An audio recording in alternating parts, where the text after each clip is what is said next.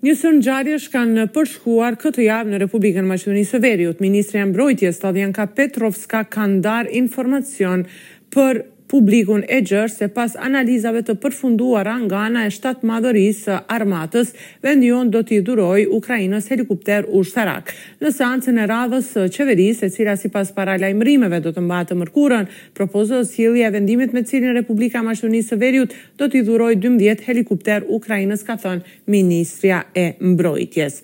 Ndërkaq, vazhdojnë pakënaqësitë në grupin e të pakënaqurve të Bashkimit Demokratik për Integrim. Në mbledhjen e ardhshme të Kryesisë Qendrore do të kërkohet vazhdim i debatit për llogaridhënien e ekzekutivit, ka thënë Blerim Bexheti, kryetar i Komunës së Sarajit, njëkohësisht nënkryetar i kësaj partie. Tonet mes dy grupeve janë ashpërsuar pas tubimit të fundit të partisë në Çair, ku të pranishëm ishin mijëra qytetarë që prisnin liderin Ali Ahmeti e ku pati edhe kërcënime të quajtura mos i dilni trenit apo uraganit përpara sepse ju shkel. Këto kërcënime, nënkryetari i partisë Izet Mexhiti tha se Ali Ahmeti asnjëherë nuk i ka bërë të tilla as kundër kundërshtarëve të përbetuar politikë. Andaj është fare e pashpjegueshme sipas tij kjo situatë e krijuar dhe kërkon që të reflektohet sa më parë. Për më tepër do të ndjekim deklaratën e kryetarit të Komunës së Sarajit, nënkryetarit të partisë, Blerim Bexheti, rreth asaj se çfarë do të kërkojë grupi i të pakënaqurve apo grupi i zjarrit në mbledhjen e radhës, që Bashkimi Demokratik për Integrim e thërret me kërkesë të kryetarit për të biseduar për frontin evropian. Ndjekim deklaratën. Të dy raportet duhet shqyrtohen dhe duhet vazhdohet me raportin për që ka të bëjë me llogaridhënien, që është transparencë, vlerë evropiane dhe besoj s'paku më së paku pres që të vazhdohet debatohet për ato çështje që realisht edhe krijojnë dallime mes ekzekutivit dhe një pjese të konsiderueshme të anëtarëve të Bashkimit Demokratik për Integrim dhe gjithsesi se për në çdo fillim të mbledhjes miratohet procesverbali i mbledhjes të kalume që është pjesë e atij procesverbali edhe ky konstatim Dhe sigurisht se do të shqyrtohen dhe është e drejtë e çdokujt që të propozon edhe pika tjera. Në anën tjetër, sa i përket ndryshimeve kushtetuese, VMRO-DPMNE pretendon se nëntë deputetë socialdemokratë nuk dëshirojnë t'i votojnë ndryshimet kushtetuese, kurse siç thonë një deputet i BDI-së kërkon para për të votuar. Kovaçevski, sikurse Grubi, duhet të thonë nëse deputetët e LSDM-së saktësisht tre nga njësia e parë dhe e tretë zgjedhore, kanë thënë se nuk do t'i votojnë ndryshimet kushtetuese dhe nëse gjashtë deputetë tjerë kanë thënë se ndryshimet kushtetuese janë gjëja më e keqe që ka bërë qeveria.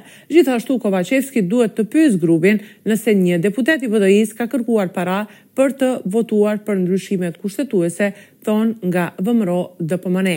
Por Kovaçevski thotë se VMRO-DPMNE rrin çdo ditë në ambasadat e huaja duke kërkuar pushtet që pa asnjë kusht më pas t'i votojë ndryshimet kushtetuese. Për më tepër ndjekim deklaratën e tij. Do zaçlenuvanje vo Evropskata unija, na nas ni pretstoi reforma na pravosudnjot.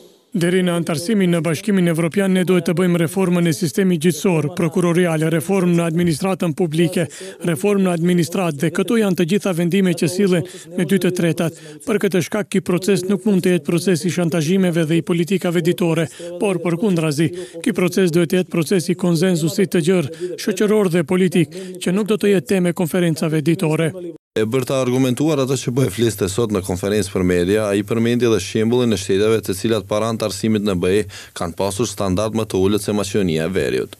Koj e benefitot od zaçlenuvanje vo Evropskata unija. Cili është benefiti nga anëtarësimi në Bashkimin Evropian?